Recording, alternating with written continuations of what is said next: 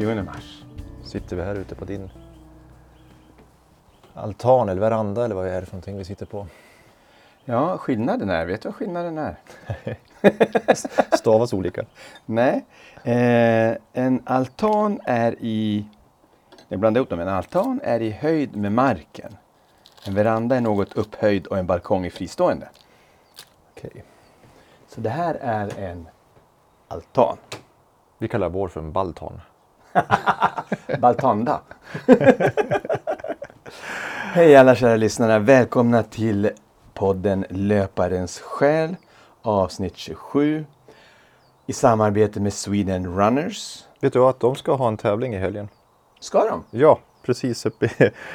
Alltså det är svårt att tänka sig för er som inte sitter i i snö fortfarande. Vi sitter just nu med snö omkring oss men uppe i Älvdalen så ska de ha en, en tävling som att springa det sex mil tror jag i skoterspår. Åh, vad härligt. Gud Ja, det liksom det sista av, Ja. av eh, Vinter. vintern. Ja. Ja, det sista det kommer att slå tillbaks där givetvis. Men Nej, men det sista vinterloppet om man springer skoterspår. Gud vad roligt. Det är perfekt äventyrslöpning. Eller hur? Ja. så att eh, det finns väl plats eh, fortfarande. Det tror jag självförsörjande ganska mycket. Men eh, det är kul att vara med människor och springa tillsammans. Ja, ja. Men du kan inte åka för du åker upp till Åre och kör 10 mil.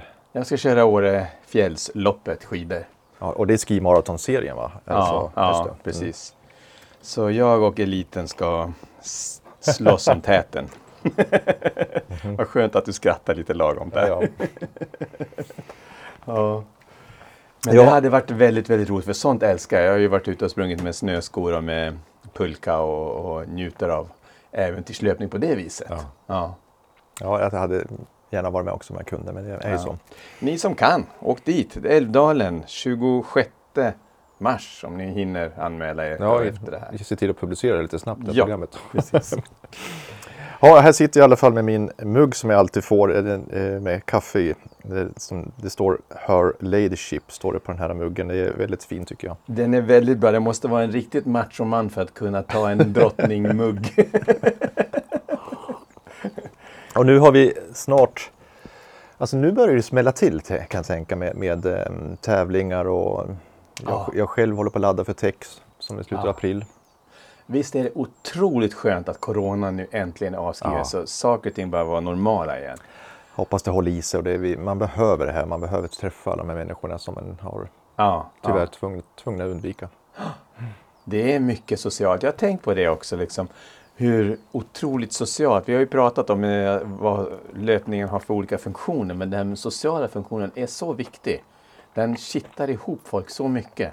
Det skulle inte alls vara samma, vare sig popularitet eller samma aktivitet om man hela tiden sprang själv. Är absolut Nej. och det är viktigt och just de här samtalen jag pratar om.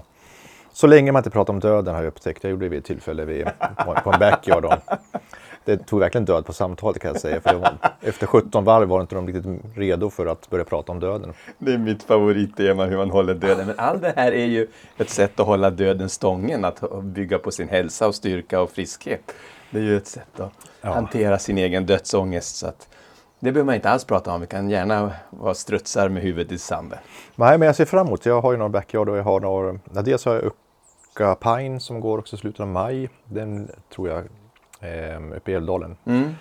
Det finns ju en 100 milare, dryga 100 mile och en 10 milare. Det finns en 5 milare och en 2,8 milare. Och vilken ska du springa? Jag tänker ju försöka ge mig på som jag pratade förut om Ucka Pine med den 100 milen igen nu. Ja, Nu går den på våren istället för hösten så jag tror att vädret kan nog bli bättre. ja, ja. det Men det bara kan bli- nedförsbacke och medvind också. Ja, eller hur? Men det kan bli sjukt lerigt tror jag. Ja, Eh, med tanke på just det. snön Det är som inte... tidigt. Det är mycket snö. Det kan nog snö i skogen också. Ja, Precis. ja. Så att det, det ser jag fram emot. Men, eh, eh, nej, men det jag ser fram emot det är också att springa och prata med folk. Eh, det, ja.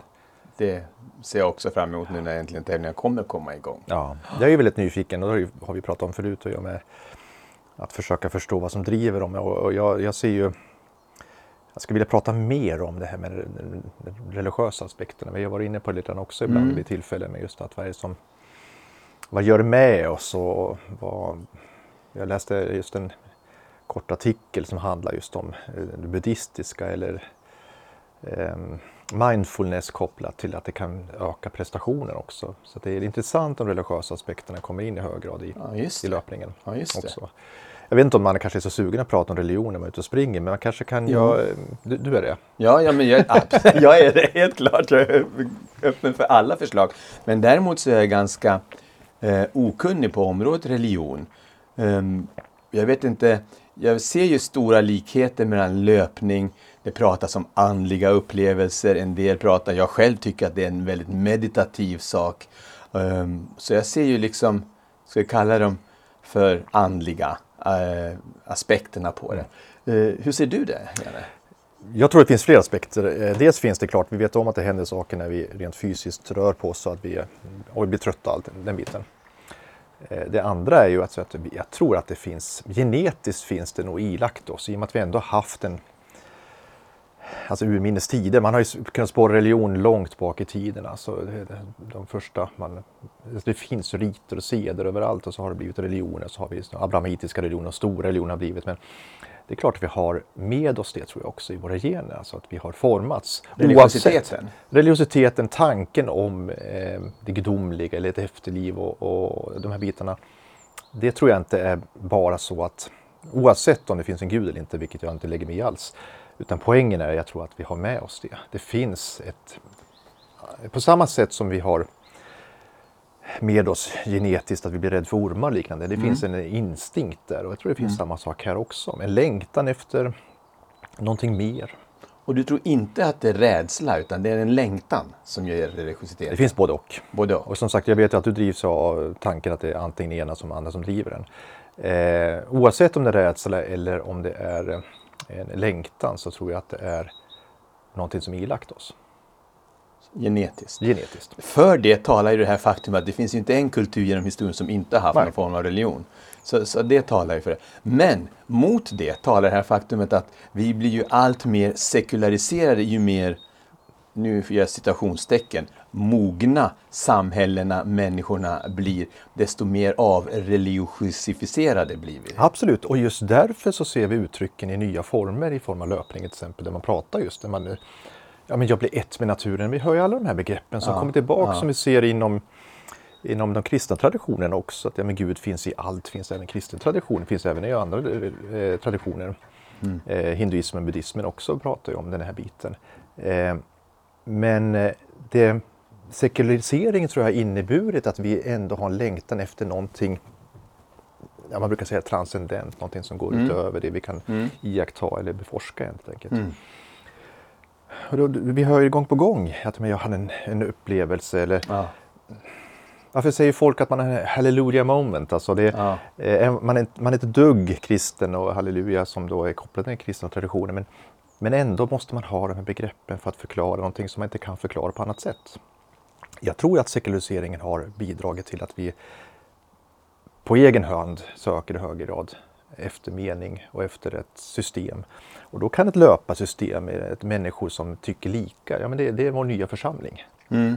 Okej. Det är vår nya kyrka. Och Ja, det är någon som ja. sa det någon gång, ja, men, är det så att min löpning och min kropp det är min kyrka, då är, jag- då är jag religiös. Ja. My body is my temple finns det ju ett Ja. parad... Visst. Ja. Så att jag tror att sekulariseringen i dess form vi har sett den, alltså religiositeten i dess form vi har sett den förut, den har försvunnit i hög grad. Ja. Finns kvar i form av kyrkor och moskéer och, synagogor och andra lösa sammanhang.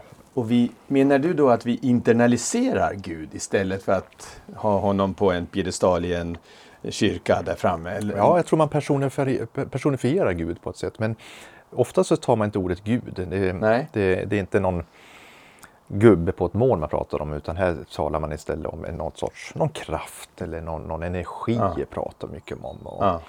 Och det, det där är ju populärt. De här new age-begreppen har ju kommit in istället. Man har ju plockat i new age, har man ju plockat ifrån olika religioner och uppfattningar och skapat sin egen privatreligion. Samma sak gör vi inom löpningen också. Mm. Vi plockar begrepp och, det vi, och vi lyssnar på våra gurus som finns runt omkring oss. Okej. Och vi har gurus. som profeter. Som profeter, absolut. Visst. Och vi har ju de här, i- alltså det, det, eh, vi har ju de här personerna som har gjort fantastiska, deras rekord har aldrig blivit slagna. Alltså, det, om man försöker Mm. liksom, hur ska man kunna nå dit där den personen rent fysiskt gjorde? De blir, idolerna blir som helgonen var. Absolut. Intressant. Ja, och det, Så jag ser överallt och det är det här jag vill prata om i löpspåret. Och stackarna som kommer tillsammans med mig.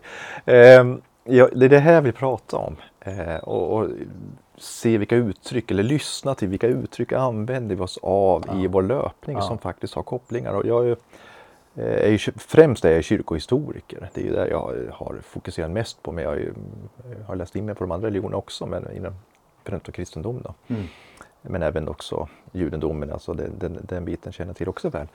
Men det är intressant tycker jag att de flesta också vet inte om att det här ger uttryck för en andlig eh, åsikt eller till och med längtan.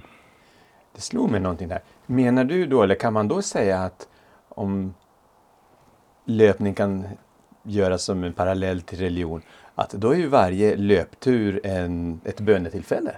Absolut. Jag tror därför vi vill komma ifrån själva in i skogen, alltså in i vårt tempel. Ja, alltså skogen ja. eller, alltså det, det, är klart det går bra att springa och eh, det, det bilar och sånt låter runt omkring också men det finns någonting som händer när vi kommer in i skogen. Och, ja. Eh, eller de platserna som är, där vi kan känna att vi är solitära, isolerade. Vi, vi kommer i kontakt med oss själva. Eh, det är en religiös ehm, för många en religiös handling. Det gäller bara träning, definitivt. Det alltså måste inte betyda det. Men sen efteråt också det här, det låter ju bara för en parallell ut, utan att det är något är det, men att ja, men bönesvaret man fick efteråt, alltså när mm. adrenalinpåslaget, mm. alltså endorfinerna som slår det på efter att vi är klara med träningen. Vi känner oss så nöjda liksom, alltså vi, vi blir en bättre människa. Mm. mm. Och det här blir ju också riter. Jag tänker på Runstreak Eh, som, ja. som blir nästan ett måste till slut. Ja. Och då börjar vi se det här också, övergången ifrån, och det behöver inte vara runsplit, det kan vara träning överhuvudtaget. Alltså det kan man, vara överhuvudtaget. Vi behöver inte prata om någon, men, men alltså att när, när det övergår ifrån att vara någonting som ger mig glädje till att bli ett tvång och ett måste eller någonting som ska visa de övriga församlingen mm. hur duktig jag mm. är eller att jag fortfarande presterar. För annars så avfaller jag från det. Mer sekteristiskt ju extremare man drar det. Ja, precis. Och, och mm. eh, nu ska jag inte säga, jag säger absolut inte att det är sekteristiskt att vara den löpande människan. Eller, Men man kan bli inom alla alltså Det handlar om att handla de här dikena. Antingen hamnar man i ena diket eller ja. andra diket. Och ja. Den gyllene medelvägen är alltid den bästa. Ja. Eh, och kanske vara varse om det också. Att, ja, men det här har vi ett beteende som är skadligt. Eh, där faller parallellen något för att en religiös uppfattning så finns det ändå en uppfattning många gånger att det finns något gudomligt liknande som jag, jag kanske inte bara sviker mig själv utan jag sviker även någonting annat. Eh, skulle det kunna vara. Ja, just det. Eh, det finns ytterligare ett åtagande. Som... Ja, men det kan man väl mycket väl dra. Jag sviker ju, nu kan jag inte låta bli, jag sviker ju runstreak-streaken genom att jag avbryter en dag. Mm, precis. Då måste jag börja om. Det måste liksom... börja om. Och liksom precis, har, har jag investerat 400 dagar? Ja. Aha. Så suger det. Ja, det suger det för att säga så. Oväntat att det kom från dig, men okej. Jo, men så är det. Vad intressant. Och jag kom också att tänka på de här flagellanterna. De driver ju sin eh, tro då till eh, att de späker och gör illa sig själv och pressa sig själv. Både genom fasta och genom piskning och genom olika självutplånande, jag förmodar att, eller jag tolkar det som att det är självutplånande eh, riter. Ungefär som löpare gör på, på långa Intressant extrema. att du tog upp det med tanke på, vi kommer snart till din lilla, ditt lilla äventyr för några veckor sedan. Eh, ja men det här, man brukar prata om asketism, ett asketiskt ja. leverne, att man ja. ska leva liksom minimalt, man ska äta minimalt, man asketerna späkte ju sig själv för att man trodde också att kroppen, alltså kroppen var det negativa. Det var liksom, det var, vi, vi är bara fast i vårt fysiska tempel på något vis. Mm. Men, och vi ska ta oss ut och genom späkning så kunde vi liksom dämpa kroppen och så skulle vi kunna samtidigt få utrymme för, för själen eller, mm. eller medvetandet att nå ett högre tillstånd. Mm. det är det som är späkningen till för. Mm. Eh, och där ser man ju definitivt en koppling till många löpare som, som ligger på gränsen, testar gränserna. Vi ser ultralöpning, man ser man hallucinerar, det har vi pratat om förut också. Men mm. eh, de här bitarna är ju eh, definitivt en form av eh, askes vi håller på med. Mm. Där eh, Ja, men du, du håller ju på att experimentera som bara den just nu. Och du, jag fick ju hämta upp dig med bil här för några veckor sedan. Ja, jag håller på att experimentera med olika eh, alternativa näringsintag. då, då skulle jag helt otränad plötsligt bara gå över till fettdrift. Och tanken var säkert god men det hade varit ännu bättre om jag hade ansträngt mig lite mer med planeringen. För jag tog inte med mig någon näring utan jag tog bara med mig eh, sådana här eh, korta triglycerider, alltså korta fettsyror som man ska kunna använda ganska smidigt under löpningen. Mm. Och började dricka på det och sen så sprang jag iväg och skulle springa långloppet, sju mil hade jag tänkt. Och efter fem mil så fick du komma och hämta mig Janne, för då var jag så tvärsopslut på allt socker i kroppen. Så det gick inte. Och det hade varit bra om jag hade kunnat planera bättre så hade jag kunnat eh, hantera det också. Men jag tycker det är kul att pröva. Det är inte asketiskt syfte, det syftet är att komma att prestera längre, att, att kunna komma längre. På fettdrift kan man ju komma längre än på kolhydratdrift. eh, Om man inte tillför energi utifrån. Ehm, Så att det är ju ett experimenterande, men det är också ett experimenterande med kroppen. Visst är det det, absolut. Just Ja, men, och här vill du liksom den här jakten på den heliga graalen på något vis. Vi ville försöka göra så att hitta de absolut bästa förhållandena så att Ja. vi kan också så småningom bli ännu bättre. Ja. Du vill bli den löpande människan. Ja. Eh, att alltid kunna springa dagarna i ända och liknande. Och hur hittar jag dit? Men, och och eh, desperata planer kräver desperata åtgärder. Desperata män. och desperata telefonsamtal. Ja, eh, om man ska säga någonting eh, som var korkat i det hela, det var väl att du inte hade någon backup i Ja. energi som du Ja. kanske skulle, du hade någon ryggsäck med dig så hade Ja. du kunnat stoppa i det men Men, eh, jag hade varma kläder för jag visste att jag kunde bli kall. men precis. inte att jag kunde bli hungrig. Vil, viljan och även anden var stark men eh, kroppen var svag. Så kan man verkligen se det, apropå den religiösa parallellen där. Viljan är stark och, och, och så. Jo men det här är ju just, jag tycker det är så spännande och det är den här vi har pratat om dualismen förut också, just den här kroppen och själen eller kroppen och, medvetandet. Den här kampen som pågår där. Ja, men jag vill så mycket mer men kroppen gav upp. Ja. Du Ja. ville så mycket mer. Ja. Men, och det, den här dualismen är helt uppåt väggarna ska jag påstå med tanke på att det, vi kan inte se det som en dualism utan det är kropp och själ är ett, Okej. vill jag påstå. Så vad, vad tänker du då? Menar du att om, om själen vill, om du har en hög motivationsgrad och inte din kropp vill, vad händer då menar du? Eller hur blir det Ja, då? men, alltså kroppen måste med också. Ja. Ja, jo det är klart. Mm. Och... ehm, Och jag tänker att eh, ja. Ja, men, många tror liksom att ja, men, mentalt hade jag mer att ge. Eh, och, men, men, och tror liksom att det är två delar. Och jag, Ja. jag, vill, jag vill påstå att själen finns med i varenda cell i kroppen. Om nu för själen finns. Eh, själen är ingenting annat fristående än eller det mentala. Mm, Givetvis så brukar man säga att man kan pressa sig mycket mer än vad man någonsin tror. Givetvis. Men då har, då har man ju inte nyttjat kroppen till max heller. Men någonstans går ju gränsen för max för kroppen. Ja, ja. Men, men hjärnan... Ja, vi har kanske pratat om det här förut. Hjärnan sparar ju kroppen. Den, den, den vill ju inte att vi ska Mm. Nej, nej. bli helt uttömda. För att då skulle vi vara väldigt sårbara eller rent av kunna stryka med. Mm. Ehm, så. Och, men det är en intressant tanke. Själen finns i varenda cell i kroppen. Jag brukar säga att själen finns i synapserna mellan, mellan hjärn, nervcellerna i hjärnan. Mm. Ehm, där en- energin och elektriciteten sprakar. Och det är ju ett resultat av cellerna, självklart. Det hänger ihop. Så är det. Fast jag förstod inte riktigt vad du menar med dualism. Vem är som, hur, hur delar, att man delar upp kropp och själ? Ja, men det är en klass, klassisk filosofisk dilemma. Just, ja, men hur, alltså kroppen är en sak och själen är en sak. Det har, har vi ju också nämnt förut det här med att ja, men när man dör så går själen vidare till ett nytt tillstånd enligt då många eh, Ja. religiösa traditioner så tänker man så. Eller återföds i en ny kropp. ja, ja. Eh, och det är det här som på något vis ska förklara att det finns någonting annat utöver det fysiska. Och, eh, och eh, jag vill påstå att det här är vi har aldrig, aldrig kunnat bevisa någonting av det här ju. Det, om att det finns en själ. Men det är ett sätt att försöka tro att vi är någonting annat än vad vi egentligen är. Mm. Och det tråkiga är ju, blir ju synsättet på, ja men är vi bara kropp och fys fysik med kemiska eh, eh, saker som händer i, i hjärnan eh, som gör att vi tänker och att vi agerar och att vi väljer att avsluta, eh, göra en DNF och liknande. Eh, ja, men då, då blir vi inget annat än en maskiner eller Nej, just det. och vi hade ju en ganska rejäl debatt du och jag, fast det vi inte i någon podd om, om, om, om den fria viljan till exempel. Ja, oj. Det, Där kommer man långt.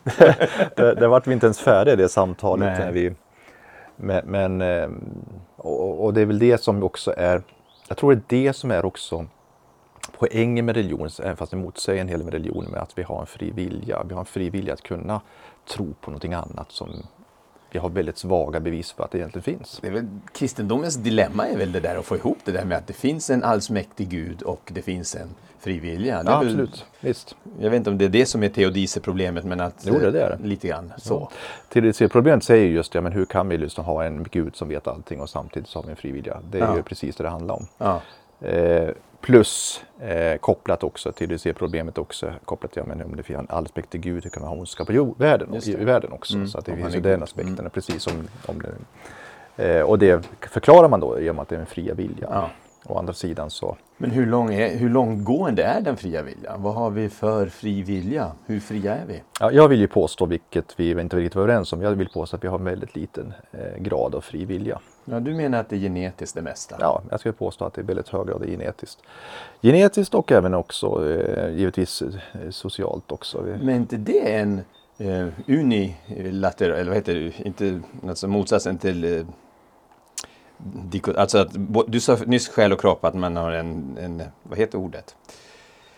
Alltså att eh, du menar att vi hade en distinktion mellan kropp och själ? Ja, inte det här motsatsen, att det här är samma sak? Då, Jo, men det är, det är motsatsen. då, då finns det bara en dimension. Då finns det inte kropp och själ, då finns det bara kropp och uttrycket för kroppen. Ja, alltså om man hårdrar det hela så, är, så blir ju mitt resonemang så att vi har väldigt, alltså vi är inte Skillnaden med oss är ju att vi, vi har möjlighet att kunna reflektera. Mm. Och i och med att vi kan reflektera så tror vi att med, i och med det så är vi också fria. Eh, att vi är fria att göra val och allting också. Man brukar säga, men frågan är vilka val, vilken grad är vi fria att göra val? Ja, men när jag väl har valt någonting så kan jag aldrig ändå välja det andra. Så att eh, det Nej. finns liksom bara en väg att gå. Ja, ja. Och vi kan aldrig backa tid, tiden. Och vi kan aldrig återupprepa någonting heller. Även fast jag gjorde en jättebra löpning på, på det passet men, eh, vid det tillfället så kan jag aldrig göra exakt samma sak igen för tiden har passerat. Men det är inget argument mot den fria viljan. Nej, inte i sig. Eh, tiden är ett problem. Eh, Tiden är ett problem. ja, men vi ska inte gå in på den biten kanske. Men jag skulle ju påstå att alltså, vi, man brukar säga att 50% mer kanske är, är genetiskt av det vi har med oss. I, även utvecklingspsykologiskt som börjar titta mer på gene- genetiska. Det är inte bara att vi formas av vår omgivning. Eh, Men sen formas vi dessutom av vår omgivning. Alltså jag är privilegierad, född här i, i Sverige och kan ha möjlighet att springa mycket. Ja. Det Men var då inte, är det 50% genetiskt och 50% utrymme för egen. Jag tror nästan att ny forskning börjar visa på att det är mer än 50% Men i vilket fall, det är hög Det stämmer, det stämmer. Mm. Ny forskning visar att det genetiska är uppemot 60-65 procent. Ja. Men det lämnar ändå ett utrymme på en tredjedel eller 35 procent Precis. eh, som inte Mm. kan genetiskt eh, determineras. Men vad är skillnaden mot determinism då? Ja, determinismen är, betyder ju just att vi har inte något val. Nej. Utan allt vi gör är förutbestämt eller kausalt kan man säga. Kausalt. Ja, Mm. det vill säga att det på samma sätt som när jag, när jag vid biljardbordet sk- skjuter min vita kula mot en annan så kommer den där kulan sen i sin tur åka i den banan som den kausalt borde göra. Mm. Om A så sker B. Och hade vi tillräckligt avancerade datorer så skulle vi kunna förutsäga alla dina eller mina beteenden Mm. framöver. Och, och det, är en väldigt tråkig människosyn, jag vet det. och, och, det Ja, det ställer en massa saker på sin spets, gör det. och det innebär att eh, om man hårdrar, vilket jag, jag, alltså jag är inte strikt deterministisk, men, men jag håller öppet i alla fall. Men det innebär att den DNF jag gjorde på Ucapine förra gången, ja, men det kanske inte var så konstigt för det, det, det, det var dömt att ske. Men mot det här talade om vi ska då tala kulturellt, det är att i alla kulturer så hålls ju folk ansvariga för sina handlingar. Det finns ett fall faktiskt man, fast det är inte så många man lyckas därefter, men i USA på 39 eller 40, eh, 1939-40 var det två stycken advokater som hävdade just efter ett mord som hade skett så, så anförde de faktiskt argumentet eh, att vi inte har en fri vilja. Och fick igenom det, eh, det var, eh, i den, den domen att de hade inte kunnat agera annorlunda. Nu har det inte skett så många gånger sedan därefter utan vi, vi, ett rättssamhälle måste bygga på att vi hålls ansvar för våra handlingar. Men låt oss säga att vi har en, en diagnos. Det vet ju du själv, vi jobbar ja. med människor som ja. har en benägenhet för att agera på ett eller annat sätt. Ja. Eller eh, mm. hur mycket kan vi hållas för ansvar för det? Nej, men då hålls vi ju inte i juridisk mening ansvariga. Jag vet inte i moralisk mening. Eh, borde vi rimligen kunna hållas ansvariga, men inte i juridisk mening. Så då, då blir vi ju eh, inte straffade heller, utan blir dömda till, till vård. Mm. Mm. Så att eh, i Sverige har vi den inställningen, men det där vet jag kan variera väldigt mycket mellan olika länder, olika synsätt och olika kulturer. Och sådär. Fast jag tycker ändå att det, det, det ger en sån, som du säger, en sån tråkig, platt och ja, hopplös känsla. Mm, visst. Ehm, och jag är fullt medveten om att jag inte bidrar till någon mycket glädje i det här samtalet. Direkt inte. ehm, nej, men ehm, jag tror att, att och återgå till, till frågan om religion och liknande. Vi behöver ett hopp. Eh, vi, vi, vill inte tro att vi bara är en, kugge, ett maskineri eller liknande utan vi vill tro att vi är unika och vi har möjlighet att kunna påverka vår, våra, vår, vår värld. Mm. Eh, eller åtminstone vår omvärld i alla fall i viss mån. Mm. Ehm, jag tror det är strikt mänskligt. Det är en mänsklig egenskap. på samma sätt jag pratar om religionen som är ilagt i vårt DNA så finns säkert samma sak här också. Ehm, vi kan reflektera, vilket vi inte ser att alla djur till exempel kan göra. Även fast många, vi upptäcker att fler och fler djur kan även fler, reflektera. Fler och har ett rudimentärt jag. Ja, och ett självmedvetande. Ja, till och med precis. myror har det visat sig att till, till, och med, myror. till och med myror har man sett har um, um, förstått när de har sett sig själva i en spegel att de faktiskt har sett sig själva. Oj. Vilket är otroligt ja, egentligen. Så att vi, vi har ju... Men, men i vilket fall, den här att göra meta-analysen, att tänka över sitt eget tänkande tror jag vi är ganska unika i mm. eh, som människor mm. eh, i förhållande till andra arter. Men det här är ju värsta Matrix-scenariet som du beskriver. Vi lever alla i en förutbestämd värld där det enda som håller oss, eller det som håller oss levande är tron att vi har en fri vilja eller en önskan, ett hopp eller vad sa du för någonting? Ja, jag tror att, och det är därför religionen blir väldigt viktig för att det ger oss en, det ger oss ett, en fri biljett ifrån det här uh, livet som annars bara skulle vara ett enda stort maskineri tills vi blir utnötta så att säga och försvinner mm. från maskineriet. Mm. Um, och det är ingen som har kunnat bevisa om det finns något gudomligt eller det finns någon kraft som inte ser och liknande. Det många som säger sig ha sett och levt och upplevt det men, men det är ingen som har bevisat. Och det är det som är det unika. Jag brukar säga det samma sekund som vi skulle kunna bevisa Gud så blir Gud onödig. Det är det som är själva poängen med ett, eh, det andliga eller gudomliga. Mm. Okay.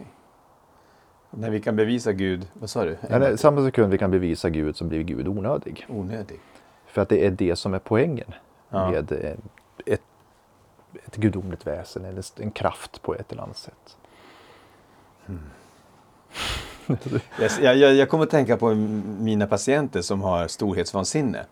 Eh, när man är manisk så är det alltid kopplat till att man får större självbild. Mm.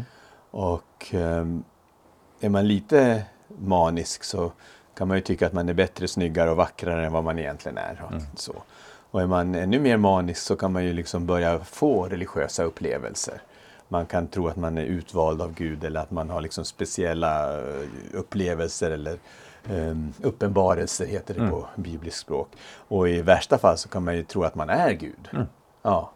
Och det är en skala där som, som hänger ihop och som jag har sett liksom kanske i sig på något plan kan ha en, ett frö till religiositet. Mm, Många av de här som har varit så här upp, uppe i varv, maniska, de säger sig ha upplevt någonting ungefär som frälsta människor mm. någonting som är översinnligt som inte man kan uppleva annars i vanliga livet. Och som många löpare upplevt. Och som många löpare kan ha upplevt. Ja, ja, ja. Där eh, hallucinationer är en del av upplevelsen som också sker i andra sammanhang också. Det är därför späkningen återigen, det asketiska levernet, för det ger nya visioner, nya Mm. upplevelser som man aldrig fått. Det är som droger, Mm. eh, vad jag förstått, triggar igång Mm. Eh, andra delar av hjärnan. Mm. Eh, och så, så för att återgå till löpningen så, alltså jag, har inga, jag tycker inte religion, religioner har jag inget problem med egentligen. Jag, det är fullständigt naturligt, fullständigt eh, förståeligt att vi har uppfattning. Och sen huruvida det finns en gud eller inte, det har jag ingen aning om. Nej. Nej. Och, och där lägger jag, liksom, det är upp till var och en att tro som Ja. vill. Men nu man kan, det fenomenet religi- religiositet. Ja, och, Ja. och just utifrån vetenskapligt perspektiv snarare. Ja. Alltså religionspsykologin är ju fantastiskt intressant att läsa. Liksom hur på olika sätt man, man kan förklara religiösa upplevelser utifrån psykologiska perspektiv. Det finns en sån gren. Religionssociologin som förklarar vad som sker i grupperingar ser jag inom löpning också. Mm. Där vi samlas, där vi klappar varandra över axeln. Det finns en gemenskap som är unik för här är vi alla lika. På något Ja, vis. ja, ja. Och så finns det de här personerna som är något bättre eller något mer kända som, som vi ser upp till och, och så får jag träffa den här personen. ja. Alltså Kilian Jornet som var nere och sprang här i, Ja. i Sverige, liksom, det var i kö för att ta kort på honom. Eh, och ta selfie tillsammans med Ja. honom för att bara att wow, här är han den här. Mm. Alltså, jag tror inte att han är han är där för att tävla, inte för att vara någon Nej, idol. på nej någon ikon. Nej, precis. Eller ikon, precis, vilket han är. Mm, mm. Och, Och det kommer inte ifrån. En, en del tar ju på sig det här och jag tror att i hans fall så han, han har inte tagit på sig. Han är duktig att springa, han är duktig på eh, eh, skidalpinism också. För det är Ja. otroligt duktig på det och det, det är det han ska göra. Ja, ja.